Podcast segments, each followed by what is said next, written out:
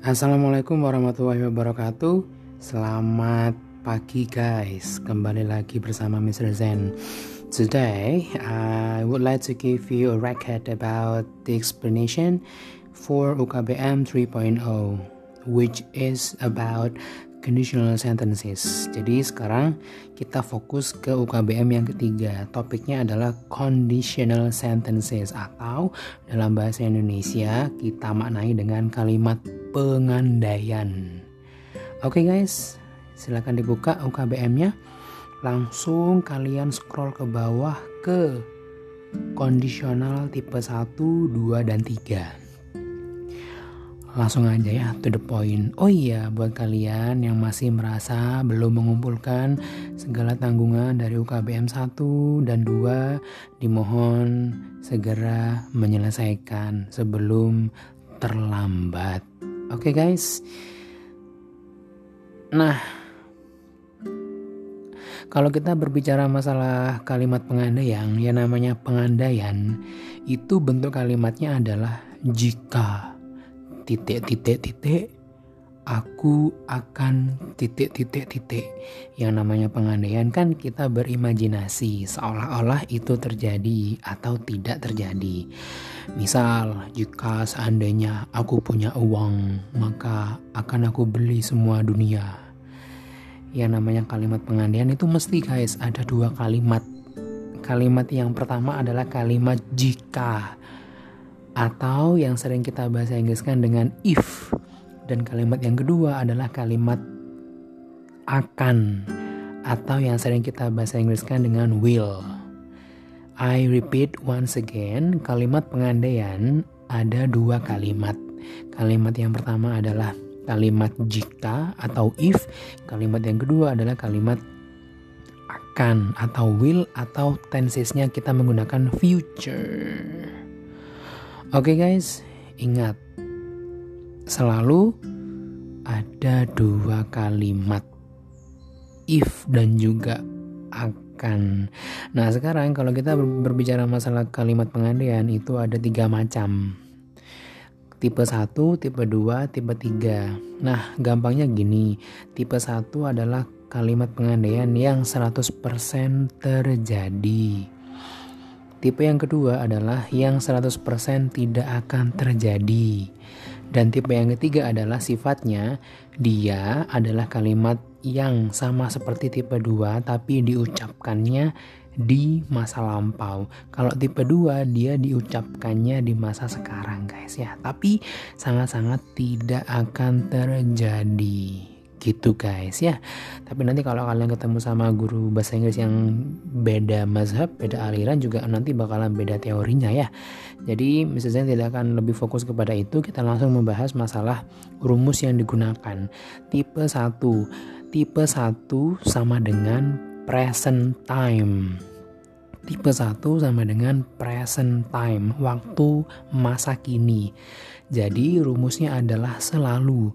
If ketemu kalimat present tense, lalu kalimat yang satunya adalah present future. If simple present tense, kalimat yang kedua adalah simple future. Contohnya, if you study, comma you will pass the exam. If simple present tense-nya mana? You sama study yang namanya simple present tense itu kalau subjeknya I, you, we, they itu kata kerjanya kosongan. Tapi kalau kata subjeknya itu he, she, it maka dia dikasih akhiran s, es atau es contoh kalau misal you nya diganti dengan he maka jadinya adalah if he studies gitu ya. Kalimat yang kedua adalah you will pass the exam. Yang namanya simple future kita menggunakan kata will akan. Oke, okay? jadinya adalah if you study you will pass the exam. Jika kamu belajar, kamu akan lulus ujian. Nah, ini adalah tipe kalimat pengandaian yang sifatnya adalah 100% terjadi. Ingat, tipe 1 sama dengan present time. Nah, sekarang tipe yang kedua. Kalau tipe yang kedua sama dengan past time Ingat, tipe satu tadi present time, tipe yang kedua adalah past time, masa lalu. Yang namanya past time identik dengan kata kerja bentuk kedua.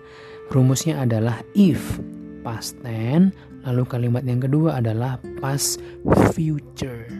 Kalau yang tipe satu tadi if simple present tense, Kalimat yang keduanya adalah simple present future, tapi kalau untuk tipe yang kedua, rumusnya adalah if past tense lalu simple past future. Contohnya adalah if I were you, I would rest right now. Kalimat yang past tense if I were you. Mana past tense-nya? I sama were. Loh mister, kenapa kok tubinya pakai were bukannya I itu tubinya pakai was khusus di kalimat pengandaian semua to be was diganti dengan were no exception.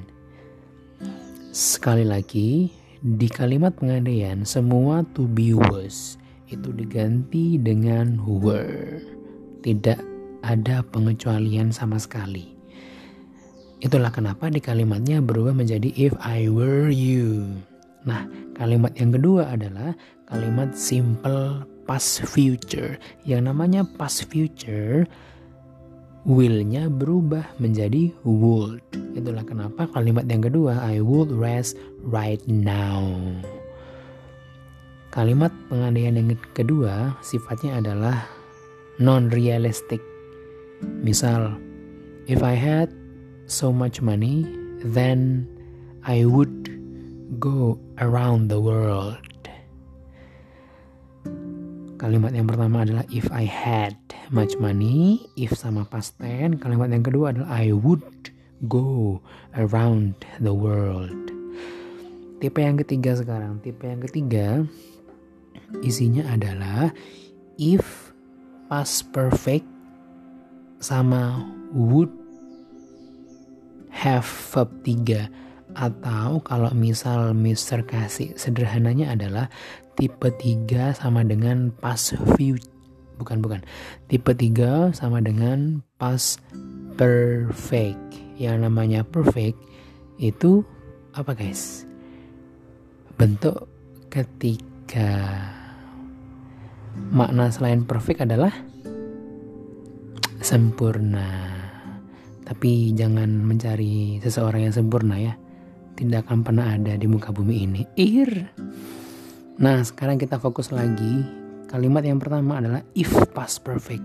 Yang namanya past perfect itu had ketemu sama verb 3. Ingat, kalau kita berbicara masalah verb 3, kata kerjanya semua menggunakan eh kebalik. Jika kita berbicara masalah perfect, semua kata kerjanya menggunakan verb 3. Oke, kalimat yang kedua adalah past future perfect. Pakai would lalu have lalu ketemu sama verb 3 contohnya adalah if I had done my homework I would have been able to play now. Kalimat yang pertama adalah past perfect had sama done. Kalimat yang kedua adalah would itu past future have been able itu perfectnya. Oke, okay? jadi kalau misalnya to be-nya perfect itu been, to be-nya past tense itu was were, to be-nya present itu is am are. Nah, penjelasan yang terakhir adalah kaitannya dengan mencari fakta. Jadi kalau kita berbicara masalah kalimat pengandaian atau conditional sentences, pembahasannya ada dua. Pembahasan teori rumusnya dan juga teori mencari fakta. Ada beberapa hal yang harus diperhatikan ketika kita mencoba untuk merubah atau menemukan fakta. Jika kita ingin mencari fakta, maka kalimat positif berubah menjadi kalimat negatif, kalimat negatif berubah menjadi kalimat positif. Itu yang pertama. Lalu yang kedua, dikasih kata hubung.